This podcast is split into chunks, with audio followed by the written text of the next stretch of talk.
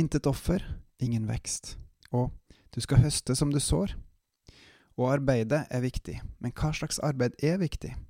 Det er tema i dagens episode av Gud i sentrum av meg, Håkon Winnem. For eh, ca. to år siden så flytta vi inn i hus. Kona fikk seg et syrom, og etter hvert fikk meg min mancave. Dette er ikke noe sånn typisk mancave, men faktisk et bønneverksted.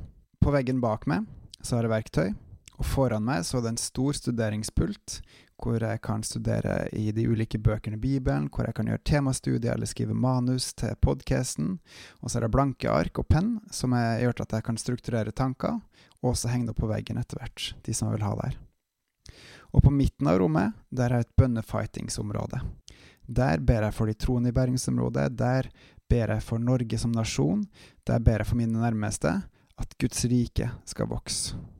Jeg har ingen vindu i rommet, og så bruker jeg også å gjerne ha det mørkt når jeg ber, for å lettere holde godt fokus på Gud, at det bare skal være meg og Han som er der.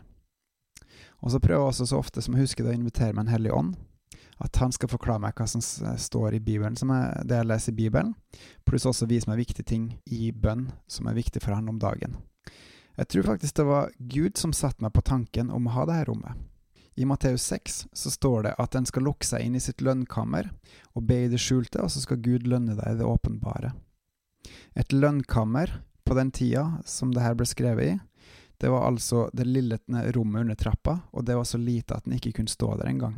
Og der var det helt bekmørkt, og der var det bare plass til én person.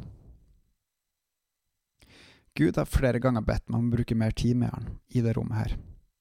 Sist gang var vel like før sommerferien, hvor han ba meg om å bruke to timer med han per dag.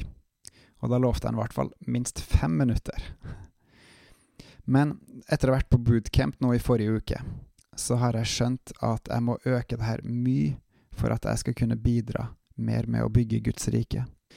Og Derfor så har jeg også f.eks. nettopp bestemt meg for å stå opp klokka seks hver eneste morgen for å bruke 30-60 minutter med Han. Først i bønn for Norge, og deretter andre ting som sikkert vil variere litt fra dag til dag. Jeg finner vel ut av det etter hvert. Og etterpå så kan jeg spise frokost. Det viktigste først, rett og slett. Og ja, jeg er trøtt klokka seks om morgenen, og det er vanskelig for meg å stå opp da. Men skal jeg utgjøre en forskjell, må jeg trene opp min disiplin, jeg må trene opp mine bibelkunnskaper og forståelse, og kjennskap til hele Bibelen. Og så må jeg også trene opp mine kampferdigheter i bønn. Eh, og det tenker jeg for min del, i min, min hverdag, passer både klokka seks om morgenen og senere på dagen, gjerne også etter at ungene har lagt seg. Gjennom det her så vet jeg at lille meg vil bli gradvis sterkere og visere, og så vil stadig flere bønner stige opp til Herren og så vil han handle på de i sin visdom og vilje til det gode. Gud, han trenger flere arbeidere, arbeidere som kjenner han og følger han, koste hva det koste vil. Intet offer, ingen vekst. Skal man gjøre noe nytt, skal man utgjøre en forskjell, så må man være villig til å ofre noe, til å lide, sjøl om man har lyst til å bare bli liggende under dyna.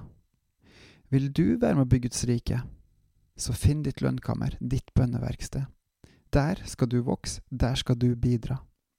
Og husk da Bebels på gjensyn.